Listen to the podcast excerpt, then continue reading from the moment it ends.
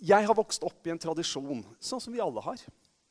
Og min tradisjon har vært at jeg har hørt alt er mulig for den som tror. Og Det var jo Jesus som sa det, og det står i Markus evangelium kapittel 9. Og i Johannes så står det hvis dere blir i meg og mine ord blir i dere, da be om hva dere vil, og dere skal få det. Og det er sterke ord. Og, og jeg tenker at av og til når vi leser sånne bibelord, og så ber vi om det vi vil Og noen ganger så takker vi Gud for bønnesvar. Og andre ganger så forstår vi ikke at ikke Gud kan holde det han har lovt. Hvordan, hvordan kan det være at Gud sier ting, og så, og så holder han ikke det han lover? Og så vet vi at bare det å si en sånn setning som det jeg nettopp sa, det er jo fullstendig galskap. Selvfølgelig holder Gud det han har lovt. Og så er det så mange spørsmål som kan komme. Og Så tenkte jeg at denne dagen, i en serie når vi snakker om dette med bønn, og hvilket privilegium det er å få lov til å komme til Gud med alle ting, så kan det være godt for oss å stoppe oss opp lite grann for de tinga som er vanskelig for oss. Innledningsvis i dag så ble vi minna om å be for en person som hadde fått en alvorlig diagnose. Som hadde sendt inn en lapp til oss. Vil dere være med og be for meg? Og mange av oss vi opplever ikke så sjeldent at folk kommer og sier du, jeg har vært hos lege, jeg har vært på sykehus, jeg har fått denne beskjeden. Kan du være med å huske på meg? Kan du være med å be for meg? Og det, det er livet. Det er sånn vi opplever alle sammen, at sykdom kan komme. Men så har Gud sagt noe til oss som jeg tror er så viktig og som er så betydningsfull for oss. Det er et spørsmål som jeg tror er relevant. Og det er er det virkelig helbredelse i forsoningsverket. Jeg sa at jeg, jeg, jeg har, står i en tradisjon. Og jeg husker min far. Jeg, jeg, tok det spørsmålet opp med han for mangfoldige herrens år siden. Og, og, og han sa at ja, selvfølgelig er, det, selvfølgelig er det helbredelse i forsoningsverket. Og så la han til hvor, hvor, ellers skulle det være? Og så skjønte jeg jo egentlig hva han, hva han mente om det. Altså, Han mente ganske enkelt at alt godt, alle gaver, alle mirakler, alle frigjørelse, alt Det har sitt grunnlag i Jesu fullkomne verk på korset. Så ja, jeg kan si av hele hjertet mitt ja, jeg tror på helbredelse i forsoningsverket. Men i bunn og grunn så vet du veldig lite om hva jeg mener om helbredelse ut ifra at jeg sier at det er helbredelse i forsoningsverket.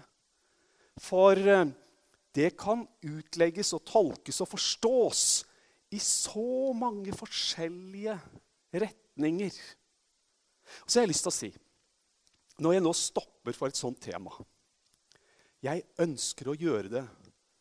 Jeg håper at jeg klarer å gjøre det. Jeg ønsker å gjøre det på en ydmyk måte. Med en erkjennelse av at eh, vi forstår stykkevis og delt, de fleste av oss. I alle fall så vet jeg at jeg forstår stykkevis og delt.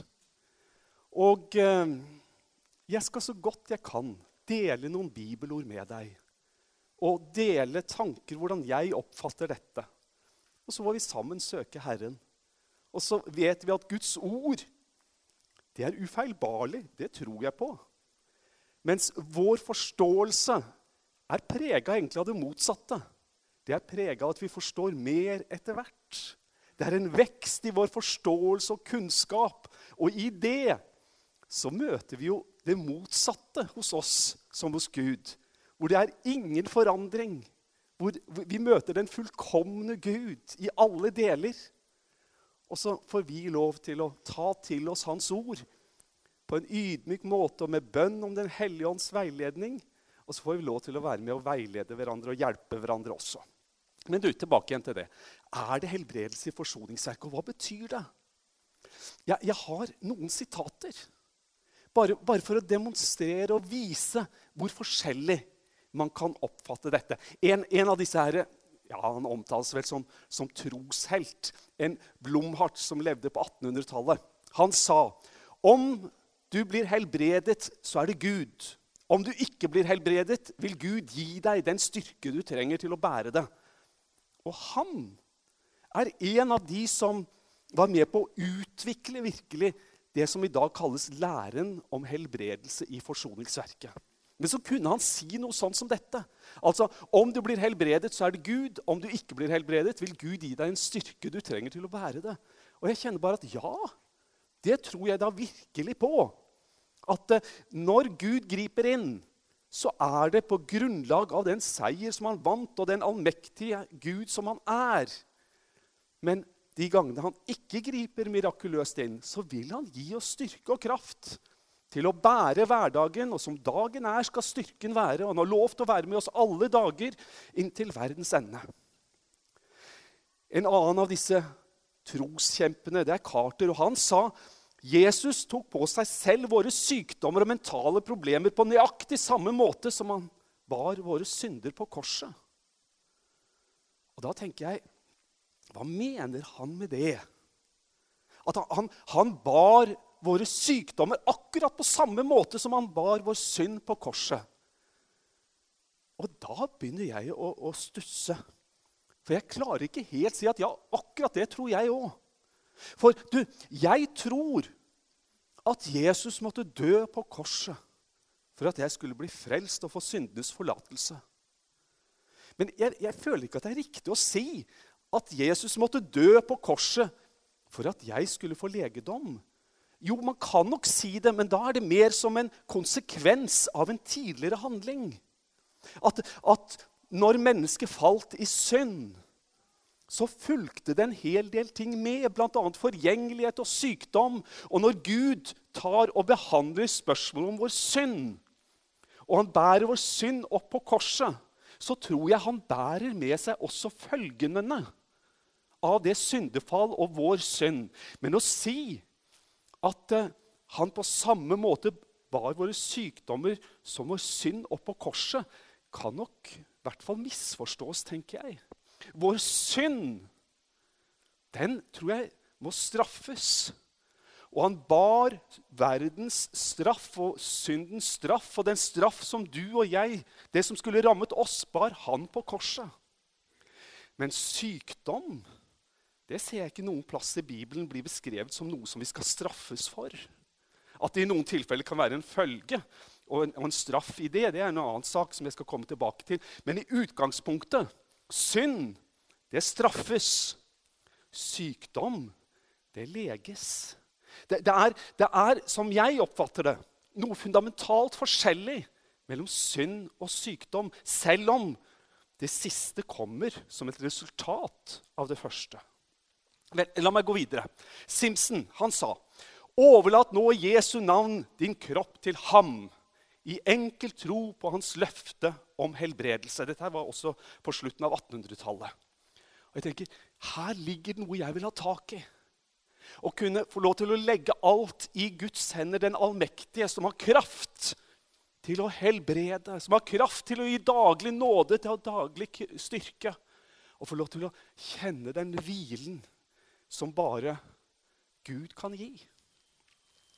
Men så er det sånn, og jeg skal være frimodig og skal komme med et sitat.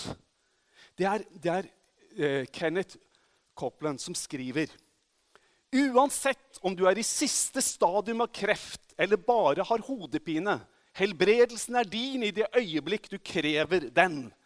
Krever demands. Det står i boka 'Healing Promises', som kom ut i år 2000.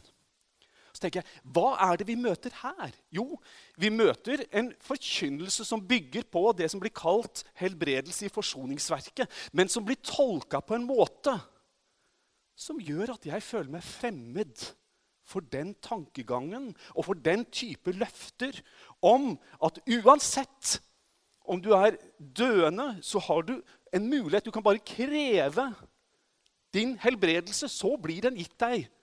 Fordi det er løfter som da kommer til, eh, til funksjon. Det er en undervisning. Jeg, jeg, klarer ikke å identifisere meg med at det er akkurat sånn det er. Jeg har lyst til å ta et sitat til. en, en, en, person som jeg har hatt gleden av å møte mange ganger. Og jeg har tolka også for han, han har vært i Norge og, og, og, og talt. Colin Dye. Pastor i Kensington Temple i London, for de av dere som har vært der på besøk. Det er en spennende, flott, stor menighet. Og han, han skrev ei bok som het 'Healing Anointing'. Kom ut i 1997, så lenge siden. Og han skriver korset garanterer ikke automatisk fysisk helbredelse, selv om vi er fullt ut lydige og fulle av tro. Det skriver, Kenneth, eh, det skriver uh, Colin Dye. Da skal jeg legge til som en parentes at Colin Dye opplevde jo i sin egen nære familie at et av barna ble født med en alvorlig sykdom og døde i ung alder. Og midt mens han reiste hadde nær sagt verden rundt og deltok på helbredelsesmøter, forkynte om Guds helbredende kraft, så hadde han et sykt barn hjemme som eh, ikke ble helbreda, men som Gud tok hjem til seg mens barnet var ungt. Så kan man tenke, Er det en motsigelse her? Og For Colin Dye så var det ikke det. Og ikke for meg heller. Altså, han, han, han, han poengterer at det, det ligger ikke noe automatikk, men at det kommer til et punkt da vi trenger å komme til Gud i bønn. Med alle våre bekymringer og alt som knuger oss ned. Og få lov til å legge det over i hans allmektige armer. Og få lov til å se det i et større perspektiv. Jeg skal sitere for deg et bibelvers fra Det gamle testamentet. Jeg er ikke så sikker på om om det har 100% relevans. Men det er noe i det som jeg tenker har absolutt relevans for det vi stopper for nå. Og det er fortellingen om Shadrach, Meshach og Abednego. Det står der i Daniel kapittel 3, der de skal kastes i ildovnen for sin bekjennelse og sin tro. Så står det om så skal være, makter vår Gud, som vi dyrker, å redde oss og frelse oss fra den glødende ovnen og fra din hånd, konge. Og så legger de til. Og om han ikke gjør det, skal du vite, konge, at vi ikke vil dyrke din Gud og ikke tilbe gudebildet du har reist. Og her møter vi noe av den evnen til å ha to tanker i hodet på en gang. Altså, Vi møter her noen som sier vi vet at Gud han har makt til å gripe inn. Vi vet så inderlig vel, ja, vi er ikke i tvil om at Gud kan frelse oss fra din hånd, konge. Men så ser vi noe annet. Og det er den siste setningen. Og om han ikke gjør det, skal du vite, konge at ikke vi vil dyrke din Gud og ikke tilbe gudebildet du har reist. Og noe, Noen vil kanskje si da, men de tviler. For de sier om han ikke gjør det, det er jo vantro. Mens jeg opplever det som det motsatte. Jeg opplever det som et vitnesbyrd om en tro, en overgivelse og en visshet om at uansett hva som skjer her på denne jord, så vet jeg at det fins en allmektig Gud med skapermakt, som kan tale, og det skjer. Han kan byde, og det skjer og står frem. Altså en overbevisning om at uansett så tror jeg på den levende Gud. Jeg har lyst til å si noen ting om hva jeg tror på i denne sammenhengen. Og Det første, og det, det, det er for meg kjempeviktig Jeg tror, og det første er at Gud alltid holder ord. Altså at alt det Gud sier, er sant. Og alle Guds løfter de gjelder ikke 90% eller 95% eller 99% Men jeg tror at det Gud har lovt, det holder han alltid. Absolutt alltid. Det, står der i Fjerde Mosebok, bare for å ta og knytte et bibelord til det. Gud er ikke en mann han, så han lyver. Et menneske så han skifter sinn. Gjør han ikke det han sier, holder han ikke det han har lovt. For å si det kort vi møter en Gud som vi alltid kan stole på. Og dersom det skjer en ting, og det virker for meg som at nå har Gud ikke holdt det han lovte, så kan jeg velge. Er det Gud som ikke har vært troverdig, eller er det jeg som har misforstått det Gud hadde lovt? Og jeg er ikke i tvil om hva jeg tror er mest sannsynlig. Jeg er helt overbevist i hele meg at av de to alternativene så velger jeg å tro at det er jeg som har feil, at det er mer sannsynlig enn at Gud ikke har holdt det han har lovt. For det siste det er jeg bare helt overbevist om. Det, det er noe av troens gave som jeg har fått. Det er at jeg tror at Gud alltid holder ord. Og jeg syns ikke at det burde være vanskelig for oss å tro på det. Det er det rareste av alt. Jeg synes at som et troende menneske Det å kunne få lov til å finne en hvile i at det er mye vi ikke forstår, men at Gud alltid holder ord, at hans løfter alltid gjelder Det Ja, vi får be Gud om å få lov til å eie den vissheten om at Gud alltid holder ord. Så kan vi si at vi kan få trøbbel av og til.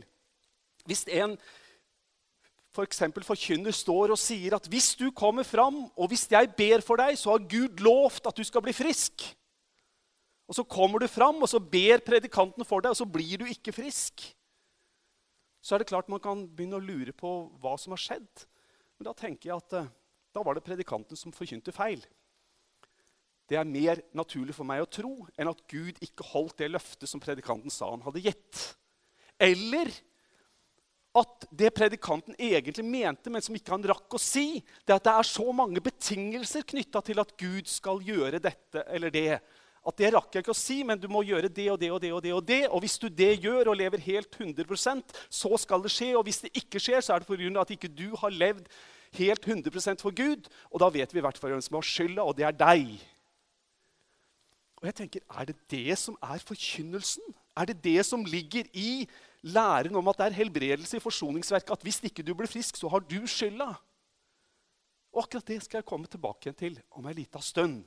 Men jeg tror at Gud alltid holder ord. Og så tror jeg at Gud har lovt oss en tilværelse uten sykdom, lidelse og nød. Og det er jo et fantastisk løfte. Jeg tror Gud faktisk har lovt oss det. Tenk hvilket løfte! Og jeg, jeg vil sitere fra deg, for deg fra Apostelens åpenbaring, kapittel 21. Han skal tørke bort hver tåre fra deres øyne, og døden skal ikke være mer. Heller ikke sorg eller skrik eller smerte, for det som før var, er borte. Og dere, Jeg tror dette er et løfte til oss om at en dag så skal det ikke være verken sykdom eller nød eller død eller smerte eller noen ting av disse tingene som, som, vi er så kjent med, hver eneste en av oss. Ja visst er vi det. Vi er så kjent med det, og vi har sett det i egne familier og egne liv. Men en dag Og vi kan til og med få løfte blikket vårt opp og vite at om ikke så veldig lenge Jeg husker Han er hjemme hos Jesus nå, men jeg husker hvordan han sa En fantastisk flott person som jeg lærte å kjenne. Bodde i Vennesla, husker jeg. Og, og, han hadde fått en alvorlig kreftdiagnose. Legen hadde sagt du har kort tid igjen. Og eh, han sa, 'Men Gud har lovt å helbrede meg.' Men han sa det er ikke et spørsmål om jeg blir helbreda, men det er et spørsmål om når. For en dag skal jeg ikke være syk lenger. Det kan være at jeg må gå gjennom dødsskyggens dal først sa han, men en dag skal jeg være frisk. Og jeg tenkte, du verden, hvilken tro. Og hvilken, hvilken hvile i Gud. At det, det, venter en dag da alt dette forgjengelige, alt dette som hører dette jordelivet til av forgjengelighet og smerte og sykdom En dag skal dette ta slutt. Og vi skal være hjemme hos Han, hvor det aldri mer skal være sykdom. og alt Dette Så Dette er et løfte. Men av og til, og det gjelder andre løfter også Av og til så tror jeg det kan være viktig for oss å stoppe opp, lese bibelordet nøye og prøve å se det i lys av en større sammenheng. Og på en måte få inn i seg at jo, det er noe som gjelder for denne tidshusholdning, og noe som gjelder for neste. At, at, det kan være noen ting som vi må forstå i et større lys og en større sammenheng. Men at Gud har makt til å gjøre det slik at det aldri mer skal være sykdom, det er jeg helt overbevist om. Vi får lov til å komme til en allmektig Gud. Du, jeg har lyst til å si en ting til.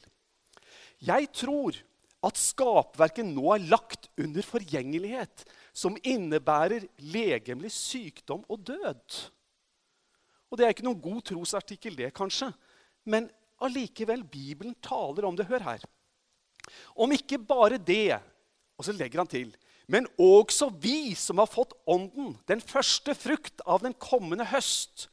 Vi sukker med oss selv og lengter etter en dag da vårt legeme blir fridd ut, og vi blir Guds barn helt og fullt. Hva i all verden er det Paulus taler om? Altså Han skriver dette til menigheten i Rom, og han understreker for at ikke de skal misforstå. Så understreker han, sier han, men også vi som har fått Ånden, den første frukt av den kommende høst, også vi sukker, også vi lengter. Altså Det er ikke bare noe for de som enda ikke er frelst. Men også vi, og Paulus tar med seg selv også. Og det han taler om, det tror jeg er Det han taler om, er forgjengelighet. Og Bibelen sier jo nokså mye om det, og jeg skal også stoppe for det litt nærmere om ikke, ikke lenge. Jeg har lyst til å si vi har lov til å be om helbredelse. Det står i Jakob et spennende bibelvers hvor, hvor det står er noen iblant dere syke, han kaller til seg menighetens eldste, og de skal be over ham og salve ham med olje i Herrens navn. Og troens bønn skal hjelpe den syke, og Herren skal reise ham opp. Og har han gjort synder, skal de bli ham forlatt. Dette tror jeg på. Og jeg har lyst til å si også jeg tror at helbredelse aldri blir noen belønning. Det blir ikke pga. at du stått på, men, men det er en gave ifra Gud Troen på helbredelse og guddommelig helbredelse, det er ikke det samme. Altså, Det går an å tro så mye på helbredelse at det blir hele ens fokus. Mens jeg tenker på det kan være viktigere å løfte blikket og tro på han som er troens opphavsmann og fullender. Du, jeg sier Troshelbredelse og guddommelig helbredelse trenger ikke være det samme. Man vet veldig godt at eh, placeboeffekten den er reell. Altså Man kan tro på ting, og det skjer ting fysisk i kroppen pga. tro. Og det er jo flott. Du, for å si det på en annen måte, altså jeg tror Vi har begynt å tenke og dvele på positive ting og ikke grave seg ned i bekymringer. Så kan det skje noe i kroppen vår, også rent fysisk. Og Det er jo viktig da at ikke vi at ikke vi lar bekymring ta tak i oss. For det virker som at vi til og med kan bli sjuke av det. Men poenget det er ikke guddommelig helbredelse. Det er noe annet. Og Jeg sier ikke at det er noe galt. Langt ifra. Men, men guddommelig helbredelse er noe mirakuløst. Noe som bare Gud kan gjøre. Og det å tro på troa er greit nok, det. Men å tro på Gud kan være noe annet. Og jeg tror det er viktig for oss å tro på Gud, han som faktisk har makt til å gjøre mer enn det vi har forstand til å be om.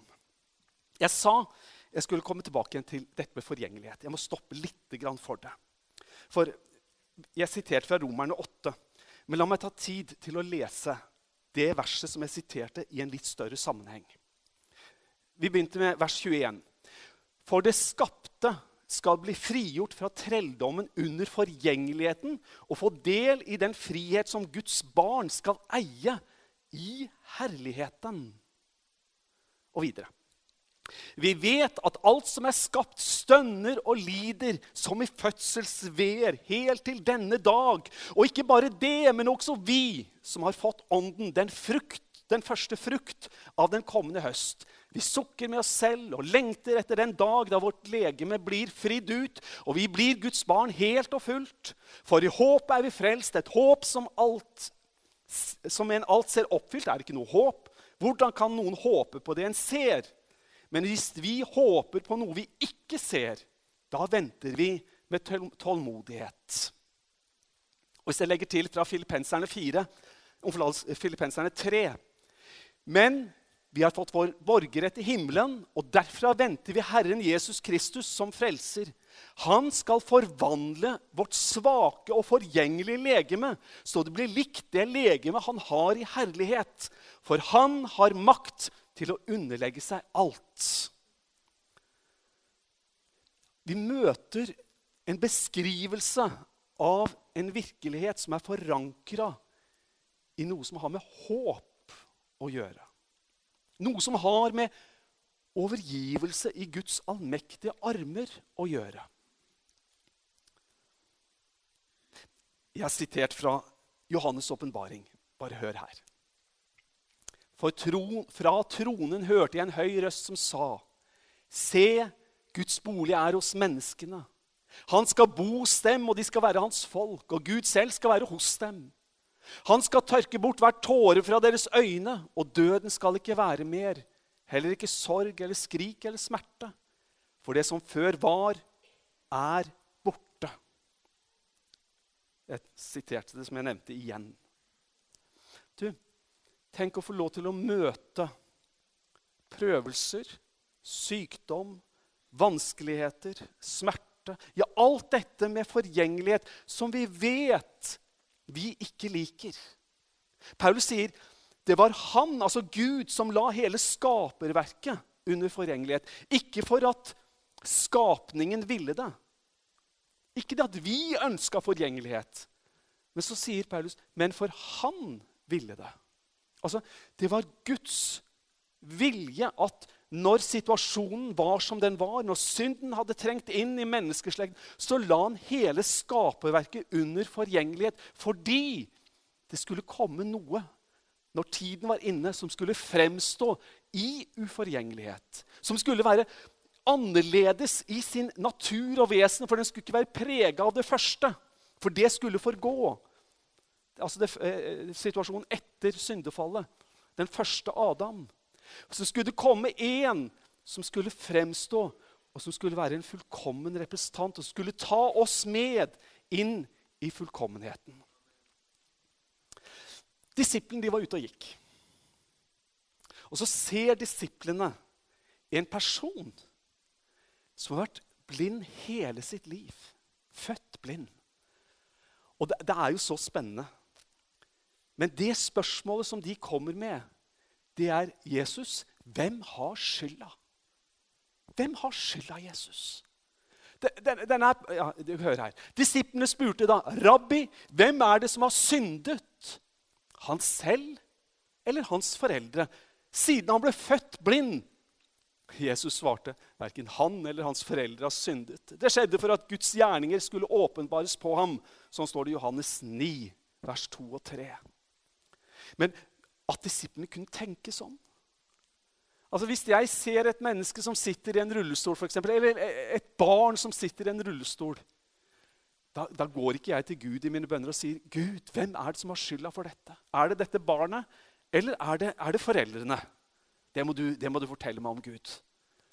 Altså, Det er bare så fjernt. Og det er det for oss alle sammen. For vi tenker ikke sånn. Men disiplene tenkte sånn. Hvem har skylda? Er det han, eller er det foreldrene? Og Det, det virker som at de er, de er eh, påvirka av en teori som gikk på at til og med foster i mors liv kan synde og da forårsake konsekvenser av sin synd i fosterstadiet. Det må jo være det de er påvirka av, for det var jo en kjent teori. Det må jo være det de er påvirka av når de spør er det han selv som har syndet, som var årsaken til at han ble født blind. Altså, hva slags teorier vi mennesker av og til kan bli ført inn i når vi prøver å forklare ting vi ikke forstår. Og jeg har sagt mange ganger til meg selv og til Gud når jeg møter mennesker som er syke, eller som lider, eller som har opplevd tragedier, så, så har jeg sagt, kjære Gud, hjelp meg til å ikke prøve å forklare det jeg ikke forstår. For sånne forklaringer blir sjeldent veldig bra. Men hjelp meg til heller å være et medmenneske under vanskelige perioder av andre menneskers liv. Og bevar meg fra å komme med enkle forklaringer som blir så grunne og som blir så feilaktige.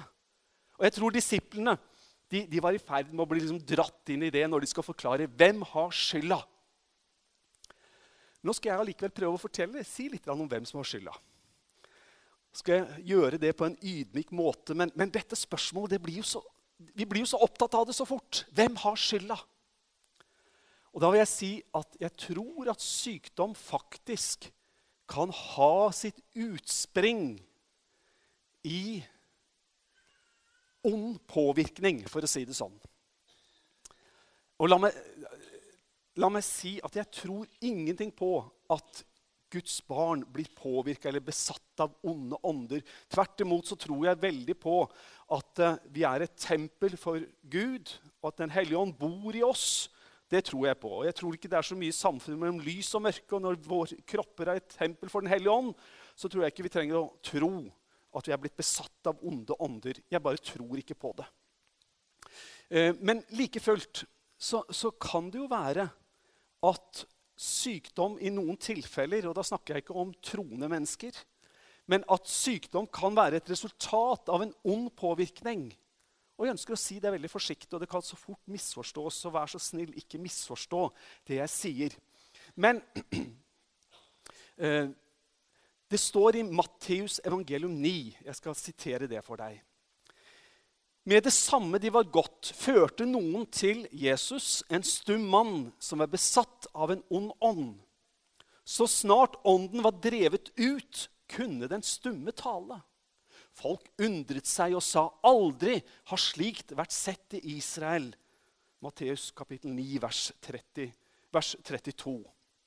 Her er det en fortelling om en mann som ikke kan tale. Hva det betyr, vet vi ikke. Og om han bare babla i vei, og at han ikke kunne tale fornuftig, eller hva det var, det sier ikke uh, teksten noe om. Men i hvert fall, han kunne ikke føre en fornuftig samtale. Han kunne ikke tale. Vi leser ikke noen ting om en helbredelsesgjerning fra Jesus' side. Men vi leser bare om en slags eksorsisme, der den onde ånd blir drevet ut. Og så skriver Matteus i sitt evangelium at straks den onde ånd var drevet ut, så snart ånden var drevet ut, kunne den stumme tale. Og Det virka som at det var en direkte konsekvens av den onde påvirkning over denne manns liv som førte til at wow, når det onde ble drevet ut, så kom sunnhet og helse og fikk dominere denne personens liv.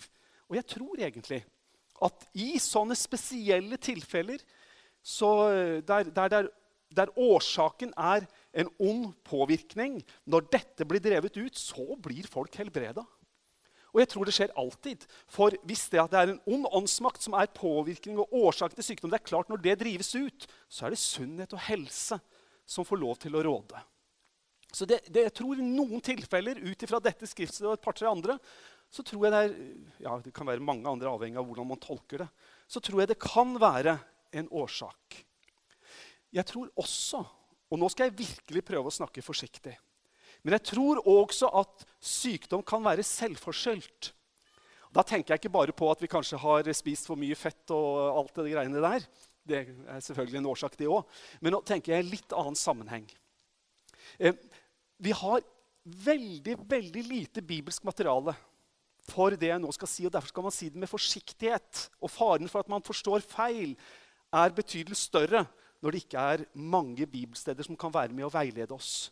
Men vi leser i 1. Korinterne 11.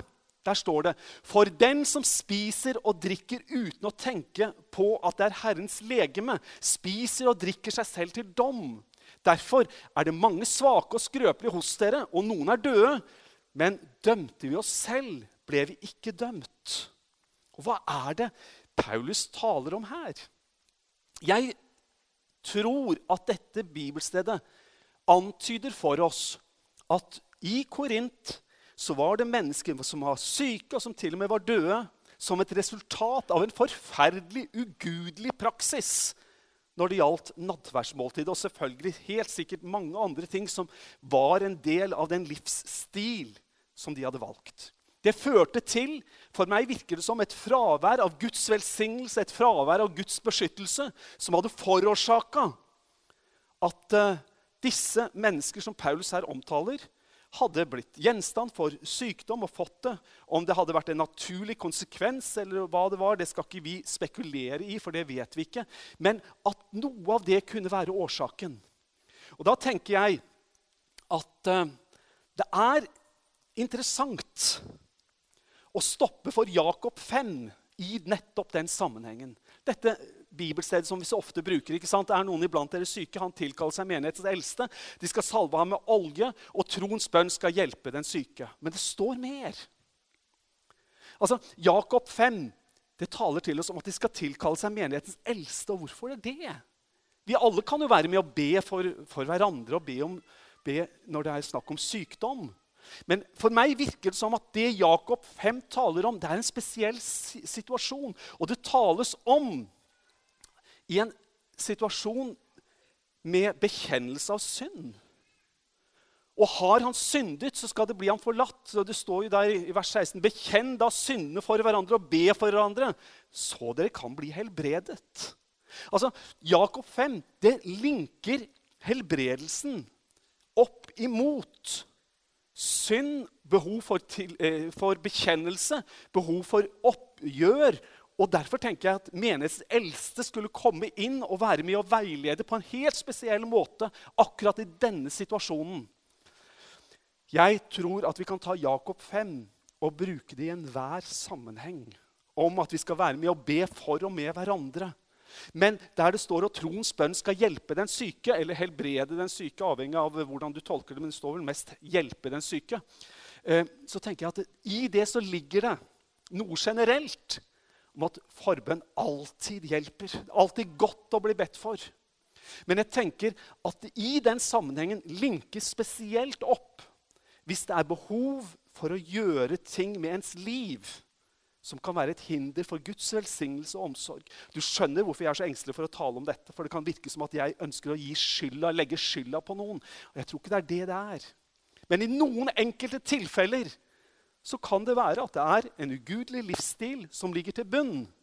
Og så får vi lov til å komme til Han og så får vi lov til å bekjenne vår synd. Og så er det folk som er med og ber for oss og veileder oss. Og så kan det være at vi ved det får ro og fred til å legge ting bort og hvile i Guds allmektige hender. Så er det det som er det alminnelige. Og det er at sykdom er på grunn av forgjengelighet. Nå har jeg tatt to spesielle ting, nemlig altså at det kan være pga. en ond ånds påvirkning. Det kan være pga. en ugudelig livsstil. Men det er de spesielle tilfellene. Av og til når vi hører fra, gjerne fra misjonsfelt hvor mennesker ikke har hatt en tradisjon med kristen forkynnelse, og heller ikke hatt en, en, en, tatt imot en forkynnelse av frelsesverket, så kan vi se og høre at det rapporteres om veldig mye helbredelsesunder. Og Man kan av og til liksom si ja, hvorfor fungerer det alltid der ute og aldri her hjemme. Og jeg tenker at Kanskje det kan være av at det er mennesker som er bundet av krefter. Og når de møter evangeliet, så blir de satt fri. For det er, ikke, det er, ikke, vanskelig å forstå eller tro, som jeg tenker i hvert fall, at hvis det er årsaken når Gud kommer med sin frihet, så blir de alltid friske. Hvis det er det som er årsaken når Jesus kommer og tar kontroll over mennesker, hvis det er det som er årsaken, så blir de friske. Ikke 90% eller 95 men da tror jeg det skjer alltid. For da blir årsaken tatt bort. Men i de fleste tilfeller så er jo sykdommen sin årsak forgjengelighet. Og da er det noe annet. Jeg har lest om hvordan det er at også vi opplever dette som, som, tror på Gud. Og Jeg har lyst til å bare sitere noen bibelsted for deg, sånn at du kan grunne på det om du vil. For oss, i noen sammenhenger, så blir sykdom et problem. Og jeg tror Av og til så kan nesten sykdommen være verre enn altså, kan, kan det fraværet av helbredelse nesten være verre enn selve sykdommen. For folk tror at det er Gud som har forlatt dem, og at det er derfor man er syk. Og da er jo det verre enn å være syk. Altså, det er verre å være gudsforlatt enn å være syk. Men, men så tenker jeg at det er, det, er, det er, godt for oss å vite at så ikke er tilfellet. Også vi opplever forgjengeligheten, understreker Paulus. Og Så virker det som at når man i Det nye testamentet talte om sykdom, så, så hadde de en evne til å tenke så rolig over det. Mens vi av og til får opp et blodtrykk og et engasjement som ikke alltid er byggende, så møter vi noe annet av og til når vi ser i Bibelen. La meg sitere. F.eks.: Tornen i Paulus sitt legeme kan være referanse til sykdom som står i Galaterne kapittel 4. Og med det mener jeg det kan være en referanse til sykdom. I hvert fall kan det virke sånn. Og så vet vi jo, i hvert fall du som har grunna på det, at uh, fortolkningene av tonen i, hos Paulus, dette som plaga han, og som han gikk til Gud med og ba igjen og igjen Kan ikke du ta dette bort? Men han fikk beskjed om at 'min nåde er nok for deg'. Altså, vi, vi, vi vet at folk oppfatter hva det er, på forskjellig måte. Men det kan være sykdom. Tenk deg i Filippenserne 2, hvor det står om Paulus' medarbeider Epafrotitus. Han ble alvorlig syk, og hans hjemmemenighet var redd han skulle dø. Og det, det levde de helt greit med. De hadde ingen problemer med at Epafrotitus var blitt syk. I den forstand problem som skulle lede til at de nå trodde at Gud ikke hadde all makt lenger. Men de opplevde det som en del av livet med Gud, at det kunne ramme. Paulus skriver i 1. Timoteus 5 om at Timoteus ofte var syk. Så vet jeg at det er noen som mener at det ordet skal ikke oversettes med syk. Men da begynner det å bli mer at man leter etter en forklaring som ikke stemmer med det man ønsker at ordet skal si. Jeg tror at den oversettelsen er bra, som sier at Timoteus, dine jevnlige sykdommer. Du, det står i 2. Tim 4 om at Paulus måtte forlate Trofimus i Milett fordi han var blitt syk. Kunne ikke være med lenger. Og det, dette skriver han om uten at det vekker, virker som at det vekker noen problemer og vanskeligheter. Og jeg synes også Det er så flott i 3. Johannes brev, hvor Johannes skriver om at jeg, til leserne om at han håper at de skal ha god helse. Og Det virker som at det er ikke noe selvfølge at folk har god helse. Han avslutter brevet med å si jeg håper at dere skal være god helse, at dere skal ha det godt, sånn som også deres sjel har det godt. Og jeg, jeg, jeg beundrer disse her om hvor rolig de kan ta det. Og at de kan leve i en situasjon hvor Gud griper inn og gjør under. Men at de kan samtidig leve i en situasjon hvor at, eh, ja, sykdom den rammer. Vi får komme til Gud, og vi får se hvordan Gud griper inn, og vi får se hva, hva, hvordan det blir. Jeg har lyst til å si Gud han svarer ikke alltid det samme når vi ber. Det er en flott fortelling, og vi leser jo om det i Apostelens gjerninger, om da Peter satt i fengsel. Menigheten var i bønn, og de hadde lite av tro. For når Peter kommer gående, så tror de at det er nærmest et spøkelse, eller at han er død. og hva i all verden er det som har skjedd nå? For at Peter virkelig skulle bli satt fri, det var vanskelig for dem å tro. Men de ba, og Gud sender en mektig kraft som gjør at Peter kan komme ut av fengselet, og han kommer til menigheten. Hvilket fantastisk vitnesbyrd om utfrielse og Guds inngripen i en situasjon. Men jeg tenker at menigheten ba vel omtrent akkurat like mye når det var Jakob. og Vi leser om han i Apostelens gjerninger 12. Men eh, Jakob han led martyrdøden for sverdet. Altså, Var det at de siste at de ba ikke så mye for Jakob og hadde mindre tro for Jakob? Nei, det er ingen grunn til å tro. For De hadde i hvert fall ikke tro for at Peter skulle bli fri. Men Gud grep inn og satte han fri. Jeg ser at tida vår går. Jeg skal avslutte nå. Men det som ligger på hjertet mitt, det er vi må aldri miste på en måte troa på at alt er mulig for den som tror.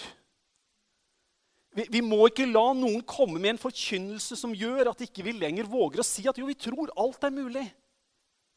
Men samtidig så må vi ikke I hvert fall mener jeg det. Så må vi ikke la det vi tror på, være en sånn karakter at vi begynner å tvile på Gud. For Guds ord, det holder alltid.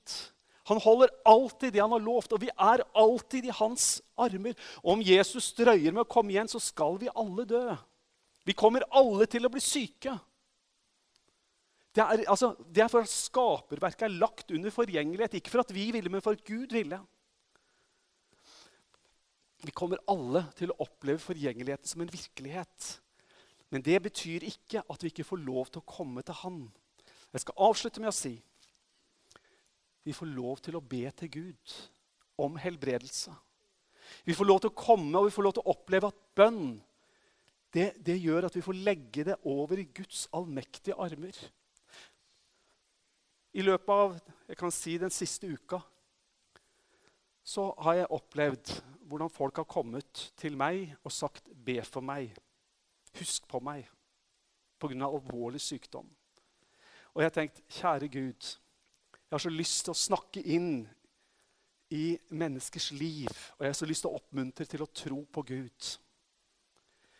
Min mor, det har jeg nevnt før en annen gang, hun var blitt alvorlig syk, og hun levde ikke så veldig lenge etter denne episoden som jeg nå snakker om. Hun hadde blitt bedt for, menighetens eldste hadde vært der. Jeg skrev om dette forresten i PT Kontakt for eh, en god stund siden. Og så var det noen som kom og sa skal du ikke tilkalle den eller den forkynneren, for han har en spesiell nådegave, tror vi. Og så sa mamma nei.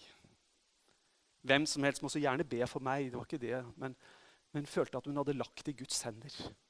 Jeg, jeg, har, jeg, har, bedt til Gud, og jeg har til og med hatt menighetens eldste. og De har salva og bedt for meg. Og nå er jeg klar til å, til å følge Han, uansett hvilken vei det skulle gå. Som en parentes kom det en lege hjem til, hjem til oss, eller hjem til mamma, da, fra legevakta. Og eh, konkluderte jo veldig fort med at mamma måtte på sykehus. Det var ikke tvil om det.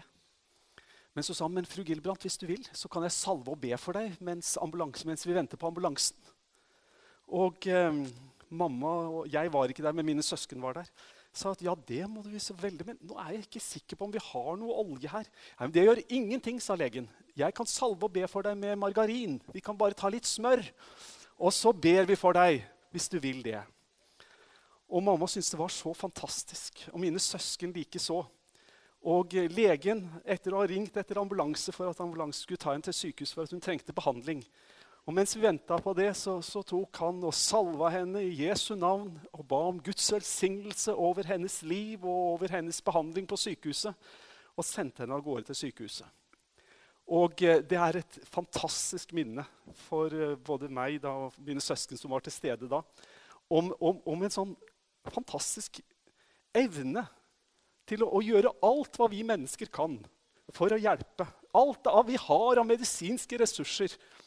Men samtidig få lov til å si men jeg skal be for deg. Og legge deg over i en, i en enda større og mer allmektig hånd enn hva leger kan være. Og det er, av, det er, noe av, det å være menneske, og det er noe av det å være medmenneske. Nå må jeg få lov til å be sammen med deg. Kjære Herre Jesus. Å Herre, nå ber jeg deg om at du ved din Hellige Ånd skal hjelpe oss til å stole på deg. Jeg ber om at det jeg nå har sagt, skal være trosbyggende og slett ikke gjøre det vanskelig for noen å tro på deg.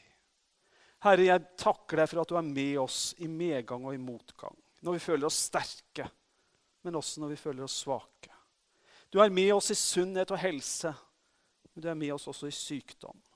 Så vet vi, Herre, at om vi enn skulle vandre i dødsskyggens dal, så frykter vi ikke for vondt, for du er med oss. Din kjepp, din stav, den trøster oss.